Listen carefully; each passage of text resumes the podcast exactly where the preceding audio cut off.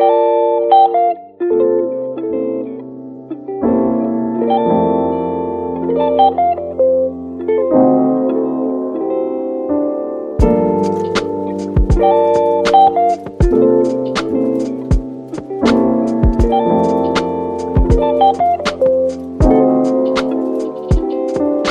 vil starte med at sige tusind tak, fordi du gad at deltage, Andrea. Selv tak. Det er dejligt at være her.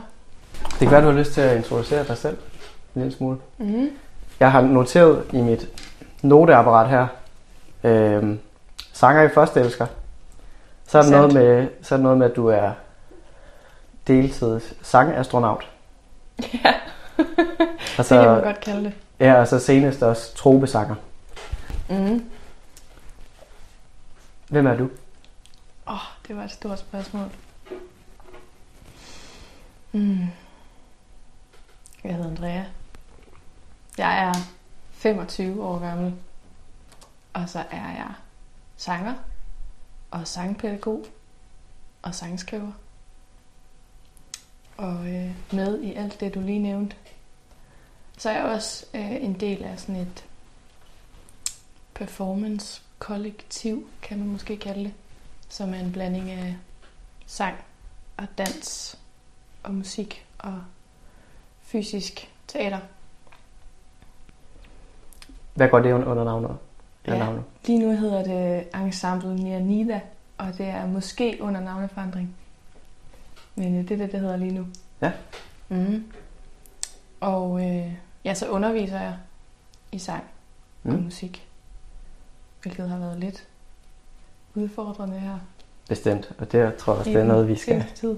Vi ikke kan komme udenom at snakke en lille smule om. Ja. Det er i hvert fald noget af det, som der har gået mig på, eller sådan, som jeg har tænkt meget over i, i din forbindelse. Mm. Hvem er du øh, sangunderviser for?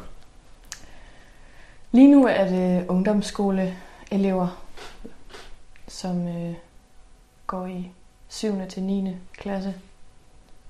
Og de er faktisk... Det er faktisk pisse sjovt.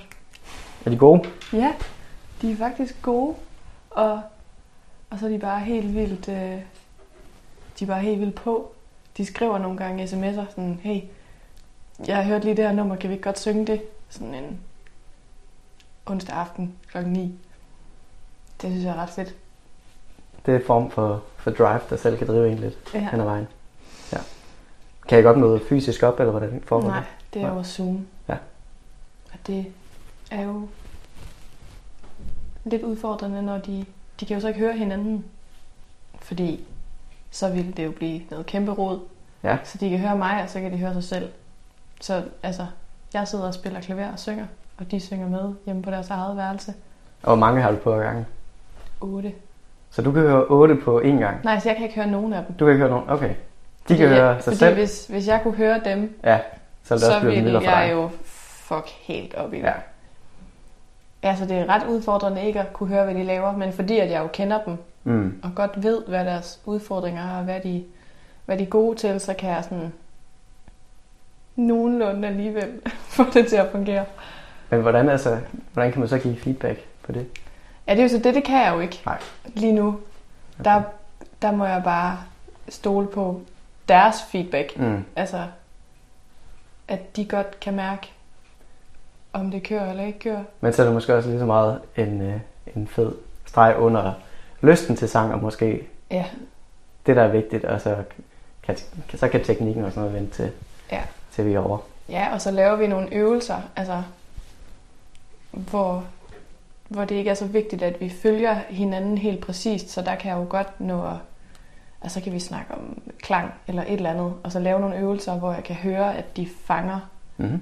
Det, vi arbejder med, uden at det er en sang, hvor de skal kunne følge nogle akkorder og sådan, så, så man kan godt få nogle forskellige elementer ind. Ja. Den anden dag, der sad jeg og, øh, og syede stof. Præcis til den stol, du sidder i lige nu, da jeg betragte den. og så tændte jeg for 6 beat. Ja. Og ud af højtaleren, så kunne jeg altså genkende din stemme. Ja. Det var i den nye konstellation, som hedder Trope. Mm-hmm. Kan du fortælle lidt om Trope? Ja, altså det er jo helt vildt pludselig at være i radioen. Ja. Altså det har jeg ikke, det har jeg ikke prøvet på den måde, kunne høre mig selv. Og på en måde så, øh, så havde det også lidt som om, at, at jeg bare havde trykket play på et eller andet. Men, men det er jo startet med at være et eksperiment og bare en, en lille leg, som, som jeg legede med Elias, som er pianist og producer også på projektet. Han øh, havde sin bachelorkoncert på konservatoriet og havde lyst til at prøve at lave sådan en koncert, hvor vi ikke havde forberedt noget, hvor vi bare gik op på scenen og spillede noget. Det var ikke en bachelorkoncert, det var en koncertcafé. Koncertcafé, ja. Ja. Øhm, Og det er også fra studiet, I kender hinanden? Eller? Ja, præcis. Ja. ja, så vi mødte hinanden på konservatoriet. Og så prøvede vi det der af. Øh, mig og Elias og Daniel, som også har indspillet bas på Mm. vores kommende EP, og Andreas, som har indspillet trommer. Og så mødtes vi sådan en eftermiddag i et øvelokale og bare lige skulle prøve det af. Hvad, hvad sker der, hvis vi bare skal finde på noget lige nu? Vi, vi går bare i gang, og så om 20 minutter, som er den tid, ens koncertcafé varer, så stopper vi. Og så siger vi, om det kunne noget. Mm. Og det var helt vildt sjovt og helt vildt udfordrende. Og, øh, og der, der var et eller andet godt i det, så mig og Elias blev ved med at mødes og gøre det der. Sætte sig ind i et øvelokale. Øh, ikke have andet end Elias sad med en eller anden synthesizer og havde måske taget en digtsamling med, som jeg kunne bruge til inspiration. Og så, øh, så er det sådan, tryk optag, og så Mhm. bare gå i gang Mm. og, øh, og se, hvad der så kommer ud af det.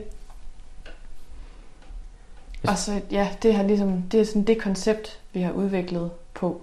Så det er det, at det, at det startede med bare at være, hey, skal vi lige Mm. mødes og prøve nogle ting af, og så pludselig kommer det ud af radioen. Ja.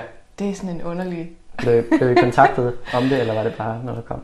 Hvad siger du? Var det noget, I blev kontaktet om, eller var det bare noget, der Det kom? det er jo os, der har, øh, der har skrevet til ham, men ikke Ja. vil spille det. Men, men jeg tror bare, fordi at jeg ikke... Altså, fordi det er sådan kom lidt stigende, det der med, at vi egentlig gerne også ville udgive det, og, og gøre det til noget andet end bare, nu sidder vi os to her og leger. Mm. Så, så kan det godt virke ret overraskende, når omverdenen faktisk godt gider at lytte til det. Lytte med. Ja. Ja. Men det er jo fedt. Det er jo helt vildt fedt, når, når det ikke føles som sådan en kamp, hvor man fra starten af har besluttet sig for, Mm. det her, det skal bare blive kæmpestort. Og så føler man, at man skal sådan bokse sig igennem en eller anden kæmpe mur. Mm-hmm. Men det er sådan, at det faktisk har været en, en sådan lystdrevet Ja. proces. Det, det tror jeg, er det der sådan er det vigtigste for os. At vi laver den musik, vi gerne vil lave. Og har lyst til at udgive det. Mm. Og håber, at der er nogen, der har lyst til at høre det, mens der ikke er. Så, så er det jo sådan, der. Jamen altså, jeg har det præcis med, på samme måde med den her, det her projekt, som jeg har kastet mig ud i. Øhm, nu kender jeg ikke til forhistorien med, at det her i, i udgangspunktet improvisatoriske element i det. Mm. Men for eksempel i sangen øh, i billeder, kan man måske godt, nu, nu man, hvis man med den viden i baghovedet, godt identificere, at det er nogle figurer, som der bliver om, og nogle gentagelser, mm. Mm. bygget omkring. Også, det, det er især sådan meget i forhold til teksten, at jeg kan høre det, fordi at, at der jo er nogle, der er nogle sætninger, som jeg aldrig ville have skrevet, Mm. hvis ikke det var fordi, at der lige havde stået det der ord i en eller anden digtsamling, jeg sad med, eller en sætning. Så der, der kan jeg virkelig høre, at det, at det kommer flere steder fra. Ja. Og er blevet vævet sammen. Og det er også lidt sjovt nogle gange, så kan jeg faktisk ikke huske, hvad der er mine egne ord, og hvad der er nogle andres ord. Mm-hmm. Jeg ved ikke helt om... Det har faktisk også været lidt et problem, da vi så fandt ud af, at vi gerne ville udgive det. Sådan med, med copyright og sådan noget. Ja, Ja. Fordi jeg ikke, faktisk ikke var sikker på, hvor det hele kom fra. Mm-hmm. Altså fordi det jo bare var, øh, det var bare en, en undersøgelse, vi sad og, og lavede. Så jeg skrev ikke lige ned, nu synger jeg det her, det kommer herfra. Mm. Og nu synger jeg det her, det kommer herfra. Så jeg har skulle sidde og, og google mange af sætningerne, for at finde ud af, om det er mig, der har skrevet dem, eller om jeg har taget dem fra nogle andre. Så fordi at de skal jo have, altså man skal jo have lov Ja. til at bruge Ja. andres lyrik. Selvfølgelig ikke, hvis det bare er fordi, der stod rød, og så Mm. sang jeg noget om rød, men, men hvis man, En sammenhæng. ja, hvis man ja. tager noget sammenhængende tekst. Men altså på den, på den måde kan man sige, der er jo ingenting, der skabes ud af ingenting. Det skabes af alt sammen i, af inspiration til noget andet. Ja. Ja. ja man må godt stjæle, faktisk. Lidt. Ja, altså, som, som der nogen engang har sagt, jeg tror det er Stravinsky, der engang har sagt, gode kunstnere låner, geniale kunstnere stjæler. Jeg ved ikke, om det er ham, men der er i hvert fald en, der har sagt det. Ja, altså, og nu siger jeg Andrea Clausen til os. Ja, ja. Ja. Andrea Clausen siger, 25 "Gå ud år. og stjæl med arme og ben.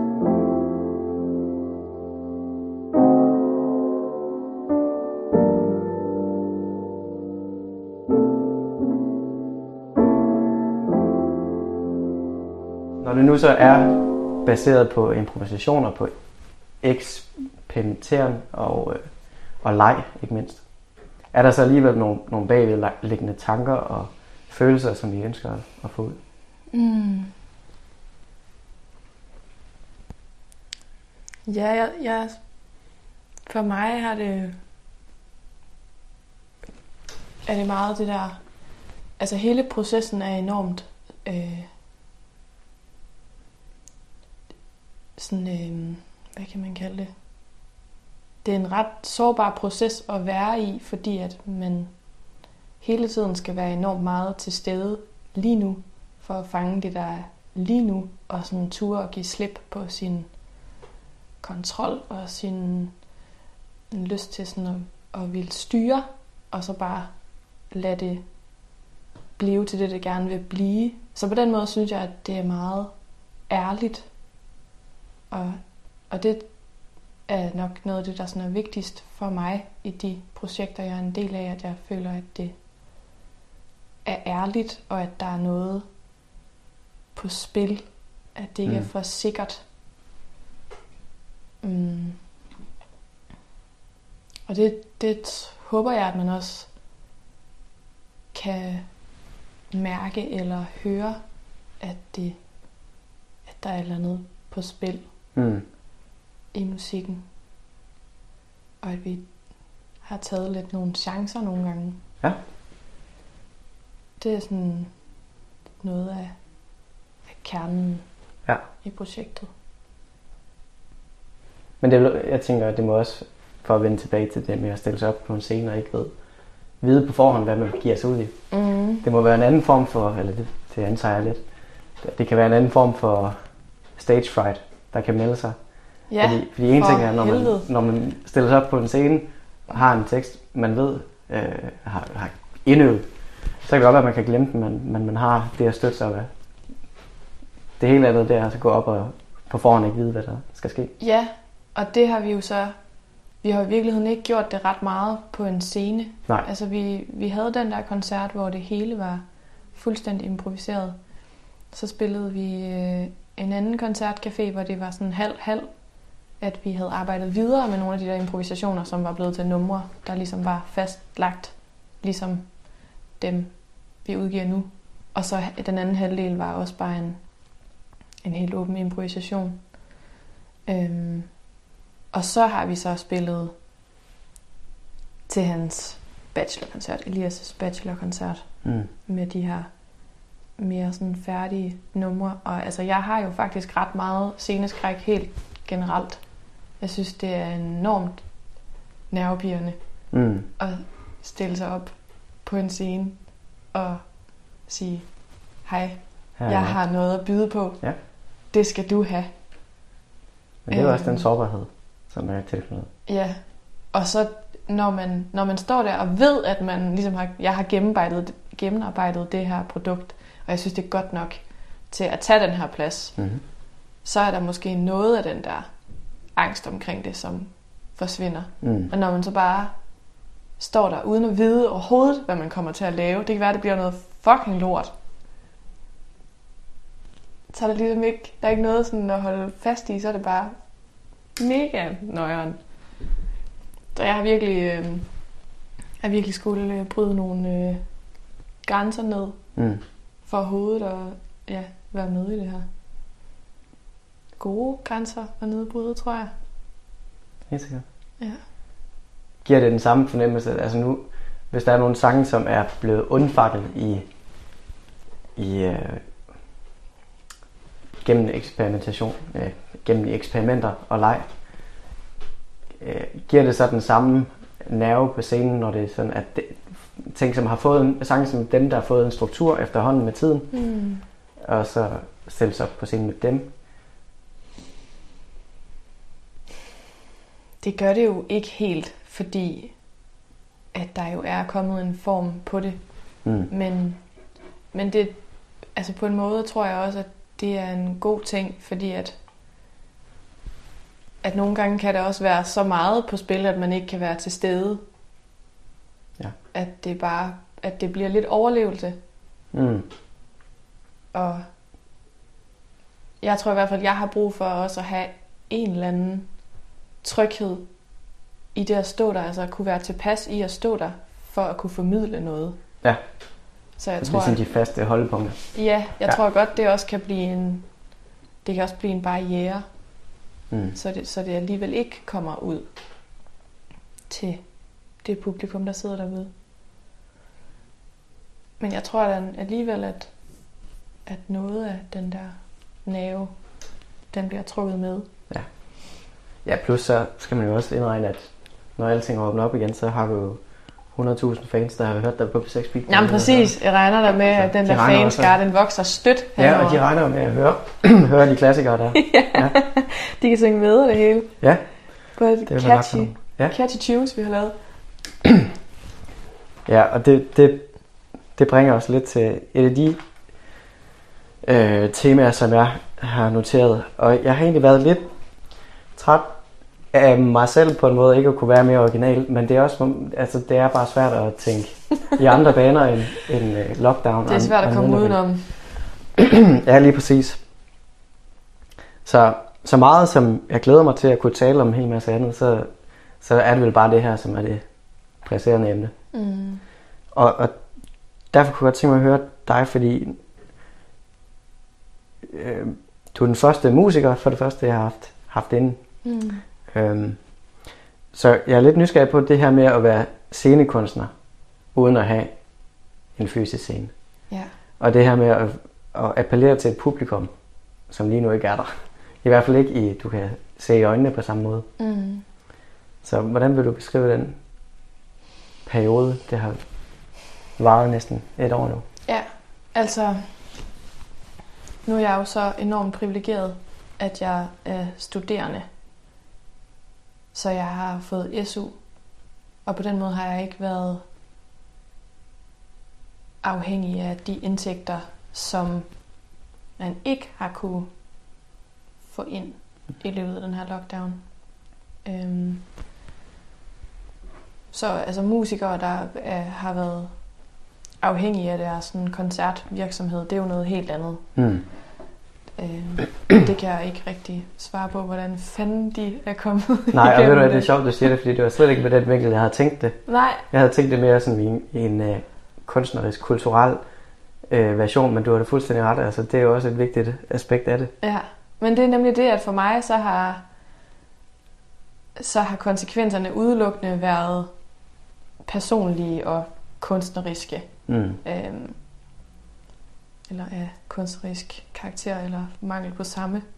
Sådan, der er, øh, det, det er sådan... Altså jeg, selvom jeg også har sceneskræk, så elsker jeg at spille koncerter og det der live rum. Mm. Det er det, jeg synes, der er fedt. Så det er at spille med andre mennesker for andre mennesker. Så der er jo mange, der også øh, synes, at det fedeste bare er at sidde og producere musik inde i deres eget studie, og det kan man nok lidt lettere, det kan man jo sagtens gøre, mens der er en lockdown. Ja. Så jeg synes, det har været præget af tomhed, det her med ikke at kunne få noget ud. Altså, man kan jo godt få det ud online, udgive musik og alt det der, men, men jeg savner helt vildt meget interaktionen med et publikum og den der helt særlige det der helt særlige rum, der opstår, når man spiller en koncert. Og der er sådan et, der er sådan et vildt nærvær i at være i den musik sammen med de mennesker, der sidder og lytter, som jeg ikke ved, hvor jeg skal finde nu.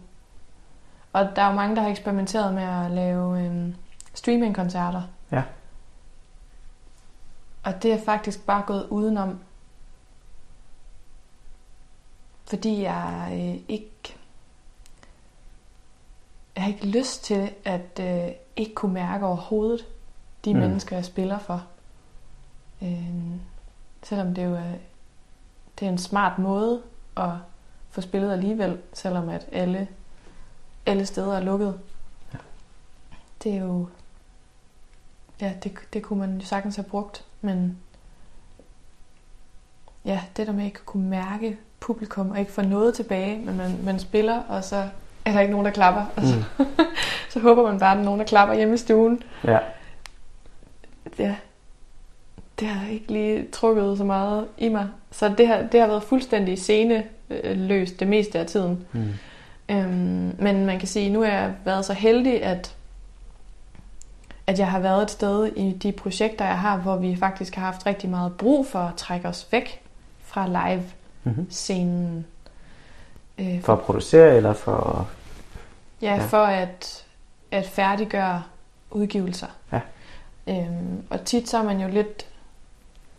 Nogle gange kan man ligesom være nødt til at prioritere at trække sig lidt ud af de der live. Altså at ikke lige prioritere at komme ud og spille en hel masse, fordi at man har nogle udgivelser, man skal producere, eller Mm. At man skal ind og indspille og i studiet, og det, er ligesom, det kan godt være ret langt fra hinanden.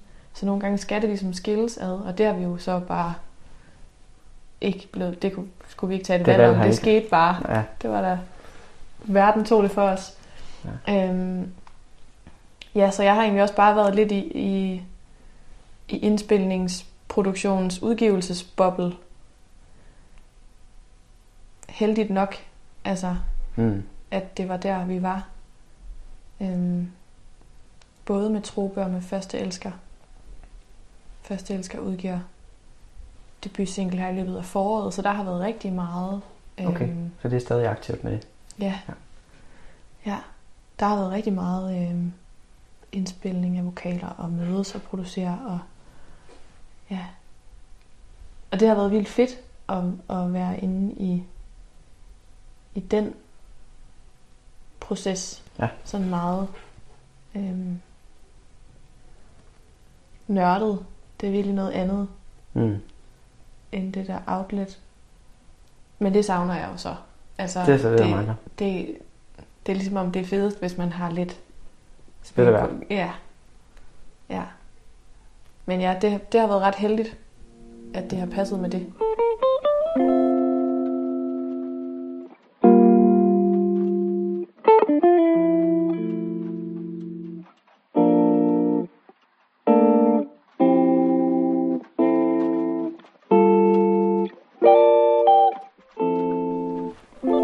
det er jo ren spekulation det her, men har du på fornemmelsen, at der at folk sidder ude på, på hvad hedder sådan noget, for enden af deres stol for at komme ud til koncerter, eller er du, frygter du en, en fremtid efter genåbning, hvor mm. at der er en bekymring om, om at møde op til sådan nogle ting? Ja, altså jeg tror faktisk virkelig, at de fleste savner det. Ja. Selvom der er mange andre tilbud også, også for eksempel online koncerter. Så tror jeg virkelig, at de fleste, de, de vil gerne ud og høre noget det musik. Det tror jeg. Ja. Øh, men jeg er bange for, at fordi at branchen generelt bare er så hår, hårdt ramt, og spillestederne er pisse hårdt ramt, Ja. så er jeg bange for, at mange af de scener, hvor man ville kunne komme og spille, hvis man for eksempel er første elsker, mm. at de ikke eksisterer mere, når vi igen får mulighed for at bruge dem, fordi at, at der er også sikkert er mange spillesteder, som er nødt til at, at, at spille lidt sikkert. De er Mhm. nødt til at vide, at, at dem, de hyrer, de kan sælge nogle billetter, og at folk kommer, så de kan få en indtjening. Og den kan de ikke, jeg tror ikke, de nødvendigvis kan satse helt så meget på små upcoming bands fra Aarhus, Mm. som lige har udgivet deres debutsingle. Øhm, det er jeg egentlig ret bange for, at, ja. at det får konsekvenser for, for øh, altså ikke kun mig personligt, men hele branchens diversitet. Mm. At det kun er det, man ved, der kan sælge, som kommer frem. Ja. Og at, og at det jo gør, at, at det måske bliver mere ens formigt udvalg på en eller anden måde. Men omvendt så kan man måske også sige, så er der måske også et argument for, at, at øh, det er måske nemmere at åbne et sted op, hvor der kun kan være 500 eller 1000 mennesker, i stedet for en Roskilde Festival med en 300.000 eller hvad nu. Ja, så det vil sådan set tale for... Øh, At, de små kan komme til måske. ja. ja, og det er ikke til at vide. Nej, det er nemlig. Det er jo det. Det er jo umuligt at prøve at øh, sådan, lave nogle planer for noget som helst, fordi man ikke aner, hvordan noget ser ud Ja. om et halvt år. Ja. Og det er jo... Øh, alting er sådan meget... Øh, alle projekter, man laver, skal jo altid planlægges 100 år i fremtiden, når man skal Mm. søge penge, og man skal have udarbejdet alt muligt materiale. Og det, så det, jeg føler lidt, at det kan godt være lidt svært at komme nogen vegne, fordi man bare ikke kan planlægge noget. Nu har jeg for eksempel, du sagde, at jeg... Hvad sagde du? Jeg var deltids korastronaut eller sådan noget? Øh, ja, jeg tror, jeg kaldte dig sangerastronaut. Nå, ja, det må du egentlig også gerne sætte nogle ord på, fordi det, det sprang vi lidt elegant over, som om at alle ved, hvad det handler om. Ja, jeg synger, øh, jeg synger kor i Moonbee and the Astronauts, som er et dejligt popband. Øhm, og vi udgav jo en EP for kort tid siden. Og det var jo meningen, at den bare skulle sendes afsted med Ude i galaksen. brag hele vejen ud i space, Ja. så det bare kunne høres ja, ud i hele galaksen. Øhm, ja, så vi skulle have haft release-koncerter her i januar, som selvfølgelig ikke blev til noget. Og de var jo allerede blevet flyttet fra mm. en anden dato. Og så skal man til at flytte det igen. Og sådan det der kæmpe arbejde, der er i at sætte sådan noget op. Ja. Ja, det er bare ikke sjovt at sk- skulle gøre en gang til. Nej. Så ja, det er svært at vide, om hvornår man skal være optimistisk og tænke, selvfølgelig, Mm. vi gør det, det kan godt lade sig gøre. Og hvornår man skal lade være, fordi det også er pisse besværligt, når det ikke går. Men man har også brug for at drømme lidt, og, Ja, og turde håbe på, at ting kan lade sig gøre, for ellers så bliver det jo røvsurt det hele. så er der måske sådan lidt et, et billede af, at der i den her tid er blevet innoveret en hel masse og tænkt i nye baner og skabt en hel masse nye ting, og så er der bare en virkelig, virkelig usikker fremtid for, hvordan det bliver Mm. kommet ud over stablen. Ja, for jeg synes virkelig, der er mange kunstnere, der har været vildt gode til at omlægge, Ja. ja. hvad de laver, for at ja, for alligevel at kunne producere noget, og for at holde gang i deres ild og skabertræng og få noget kunst ud til folket. Det har jeg virkelig været imponeret over. Men øh, ja, det er bare pisse usikkert. Jeg har set nogle steder, at de første film og serier omkring pandemien og, og covid-19 er begyndt at pible frem rundt omkring. Mhm. Er det det samme, ser du det samme, der sker i musikken? Altså bliver, bliver karantæne og bliver lockdown og følelsen af at være lukket ned? Øh, ser du den, det som tema i højere grad ude omkring i Ja, jeg synes, jeg synes, der er en, en del, der skriver om den der følelse af at være øh, sådan, øh, isoleret og afkoblet fra verden, og øh, oplever også, at et tema som ensomhed kommer ekstra meget frem. Mm. Så jeg tror da helt sikkert, at, at det også... Det er jo også... Ja, det er selvfølgelig også er på en eller anden måde inspiration til... Altså, man selvfølgelig skriver om den verden, der omgiver en, og lige nu er det, er det den her verden. Så den kom, sniger sig jo også ind i kunsten. Men det er også som om, man på et eller andet tidspunkt bliver lidt træt af, at det er den eneste inspiration, Ja. ja. der er at hente. Præcis, og det er det samme, som jeg startede med, startede med at sige. Ja, Det her med, at okay, vi har fattet, at det er her, men Ja. kan vi komme videre? Men det fylder bare. det fylder er pisse meget. Ja. Så det gør det selvfølgelig også i det, vi skaber. Men øh, ja, jeg synes i hvert fald godt, det kan være svært at blive ved med at, at være en øh, helt vildt øh, kreativ kunstner, når man Mm. bare ikke bliver stimuleret. Ja. Ja, ja, fordi man, lige meget hvad man beskæftiger sig med, så bearbejder man vel de indtryk, man, man får, og den feedback, man får fra omverdenen, ja. som du også selv har Ja, været inde på. så man sidder der inde på sit værelse hele dagen og ja. ser ikke nogen mennesker. Og så har man skrevet den sang om, om sit værelse. Ja, så bliver det ligesom bare et helt album, der handler om Ja. ensomheden inde på værelset. ja.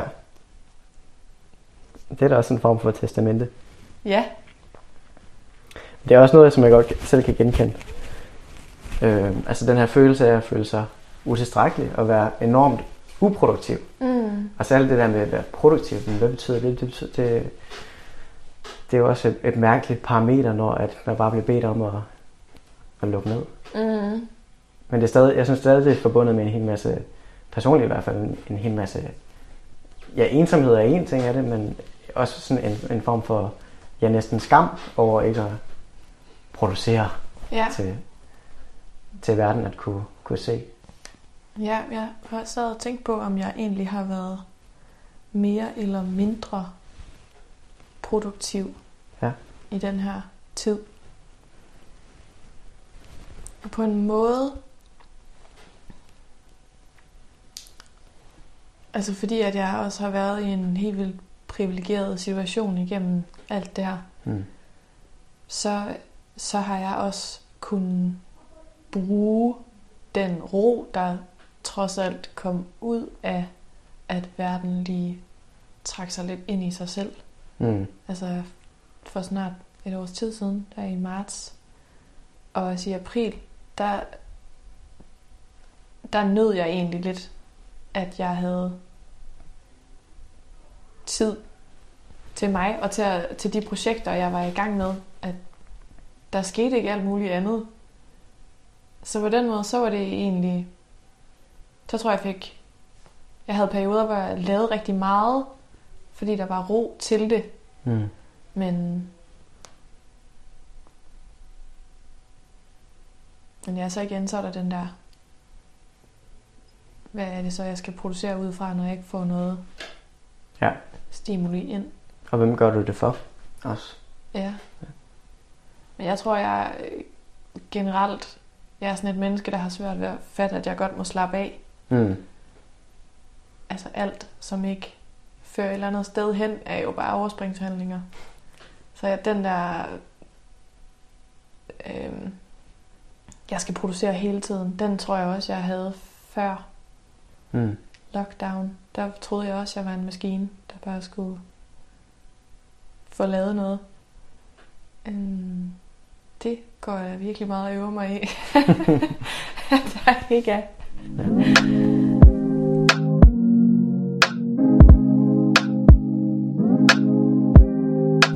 Jamen, hvad optager mig lige for tiden? Mm. Det er, der er ligesom meget Øh, fokus på alt det der udgivelsesnåde. Mm. Og, og for mig rigtig meget at øve mig i at stille mig ud i verden og have en stemme. Altså det at udgive noget, det, det er jo meget sådan en... Øh, så har man ligesom sagt, jeg er fed. Ja. Jeg er i hvert fald fed nok til, At, det, At at det du vil må- stå inden for det. at det må komme ud, det Ja. her. Øhm, ja, det hænger jo også sammen med den der sceneskræk. Det er nok i det hele taget bare en blive hørt skræk. Mm. Og blive set skræk. Ja. Og så kan man jo også sige, hvorfor fanden er du så sanger? Ja, Eller sådan, ja, i det ja, hele taget, hvorfor er du musiker? ja, fordi jeg så- undrer mig over den, den dynamik, der må være. Ja, Den, den indre kamp på en måde. jeg er fuld hvert fald, af øh, indre konflikter. Ja. Scenetræk, og så stadig et behov, eller et stort ønske om Ja. at blive set og hørt. Ja. Ja, det er jo... Øh, det trækker jo lidt i hver sin retning. Jeg tror, det ene ikke havde været der, hvis det andet ikke havde været der. Ja, det er jo spørgsmålet. Mm. Jeg kan i hvert fald mærke, at der er noget vigtigt i det. Og måske ville jeg ikke være så bange for det, hvis ikke det var vigtigt. Og hvis ikke det betød noget. Hvis ikke du havde noget, du mente, der skulle høres. Ja. Ja. Mm. Ja, der er jo... Der må være en eller anden grund til, at jeg har i så mange år har slæbt mig selv op på Mm. den scene alligevel, Ja, selvom jeg havde lyst til at grave mig ned i et hul. i minutterne op til. Ja, Ja, og nogle gange også i dage op til. okay. Øhm, det har fyldt rigtig meget i perioder. Fra, altså fra jeg startede med at synge, da jeg gik i 6. klasse eller sådan noget. Og det sjove er, at, at det faktisk er blevet bedre, efter jeg begyndte at skrive musik. Mm-hmm. Da jeg gik på MGK i Odense, var jeg pisse nervøs, hver gang vi havde koncerter for hinanden. Fordi jeg følte, at nu var jeg ligesom en af de udvalgte. Nu er der nogen, der har sagt, du er dygtig, nu går du på det her. Så skal man fandme også bare være dygtig, fordi ellers var der nogle andre, der ville have... Jeg har taget pladsen fra en anden, Mm. som også er dygtig, og som også vil det helt vildt meget. Øhm, og så kom jeg på kons, og det var faktisk først der, at jeg begyndte at spille min egen musik. Og første gang, første gang det skete, øhm, hvor jeg spillede en koncert kun med min egen musik, var til min første koncertcafé første år på kons.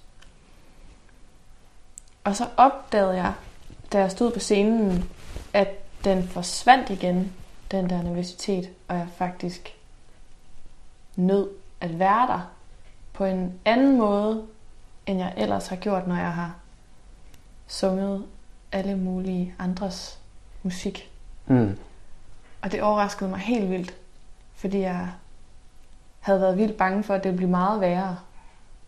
Og at jeg slet ikke ville kunne slippe den der præstationsangst. Jeg ved ikke, om det er fordi, at der er jo fandme ikke nogen, der kender det materiale, sådan som jeg kender det. Så de kan ikke sige, det, det er ikke sådan, den skal synges. Ja, de kan ikke, de kan ikke sidde og være sådan, ah, Nej. der glemte hun lige teksten. Eller, jeg ved ikke, om det er så rationelt som det. Mm. Måske er det også bare, fordi det kommer fra mig, så jeg føler mig mere hjemme i det, og jeg kan sådan gå ind i den. Ja, det er ikke Følelse. repræsentationen af andre, det er præsentationen af dig. Eller dit. Ja, Ja. ja det er jo måske, måske er det mere Mm. ægte mig. Det har i hvert fald været helt vildt fedt Ja. at opdage. Bruger du nogle af de erfaringer dengang? Og, og i så fald, hvordan bruger du det med de elever, du underviser? I forhold til, at I forhold til den der konflikt, og i forhold til den der frygt for at stille sig frem og åbne munden. så fordi jeg også, altså i forhold til at stille mig frem foran dem, eller Nej, jeg tænker på, de, er, er der nogen af dem, der har der kan ligesom, der har samme udfordringer, som du kan. Mm. Ja, de... Øh, man kan sige, at vi arbejder jo meget inde i et trygt rum, hvor det bare er os, og jeg har, jeg har ikke prøvet at have dem øh, med til en koncert, hvor vi har sunget mm. for nogen, men, men jeg ved i hvert fald, hvor sårbart det er at lade nogle andre høre sin stemme, øh, også bare på sådan et hold, hvor der er syv andre Plus dig. på 14, Ja. som sikkert, som man tror dømmer en helt vildt meget, men som er, er lige så usikre. Mm. Så jeg tror da, at det gør, at jeg er meget opmærksom på, at det skal være sjovt og rart, og det er et præstationsløst sted, hvor det ikke handler om, at de skal synge rigtigt, men det mere handler om, at det skal føles godt. Det har jeg ikke tænkt over, at det, om det, det kommer af min egen øh, Nej, det kan du så bruge nu fremover. Ja, det kan jeg lige gå og tænke lidt på. Det var så lidt. På fredag den 26. februar, der udgiver jeg jeres anden single Med trobe. med Trobe, under navn Trobe, det er rigtigt. Og den hedder Jeg vågner. Mm. Hvad vågner I fra? Ja. Måske vågner vi for lockdown i en bedre verden. Uh, ja. Mm. Ja. Jeg tror, at... Øh, jeg tror, det handler om en, en, som vågner op midt i livet. Sådan den der... Som om, at, at man pludselig opdager, hvad man laver. Mm. Eller sådan en... Øh, som om man har været lidt på sådan et... Øh, på sådan en autopilot. Og så pludselig vågner man fra den, Mm. og sådan ser, hvad der omgiver en. Ja, fordi øh, altså nu, nu, nu har jeg ikke hørt sangen endnu. Jeg må vente ligesom alle andre til på fredag. til at få lidt til det. Men jeg hørte et klip af den, hvor at, at sangen jo sådan set er i gang, men er muffled under sådan en slags undervandssang. Ja, Og så bliver det klarere og klarere. ja. Så det er ikke, det er ikke bare vågner fra ingenting til noget andet. Mm, men, Men og, fra noget til noget andet. og det der er jo faktisk, øh, hvad kan man sige, sådan lyder den jo ikke i virkeligheden. Okay. Det er simpelthen en ren øh, en lille teaser, der lige er blevet Okay. øh, Ja. manipuleret lidt. Mm. Men, men det er jo også det, der er lidt sjovt, at jeg på en måde er i tvivl, hvad sangene handler om. Fordi at, at de øh, er en blanding af mig og,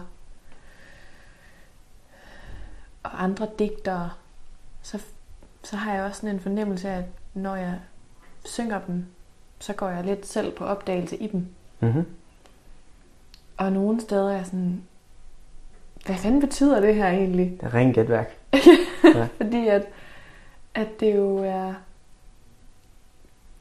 Altså, der er nogle af teksterne på den her EP, der kommer i foråret, som, som ikke har været ret meget igennem, fra de blev improviseret til det, som er blevet indspillet. Og der er nogle af dem, der har været mere igennem. Men, men det, at de er så tæt på det, der blev improviseret frem, gør, at, at det ikke kan være fuldstændig gennemtænkt. Og det synes jeg egentlig er ret fedt, Mm-hmm. at næsten selv kunne blive overrasket over sin egen musik, og sådan kunne sidde og sådan gætte sig lidt frem til, hvad fanden det handler om. Det er lidt sjovt. Ja. Og så synes jeg, at Så du glæder dig også til at høre den på fredag? jeg glæder mig også til at høre den på fredag, og jeg glæder mig til at høre, hvad andre synes, den handler om. Ja. Altså det er jo altid sådan med tekster, at man jo ikke kan vide, hvad andre opfatter Mm. af den, og hvad de tænker, og hvad de ser af billeder. Men, men øh, almindeligvis, så har man i hvert fald lidt en retning, sådan mere udtalt, som man gerne vil have at lytteren opfanger.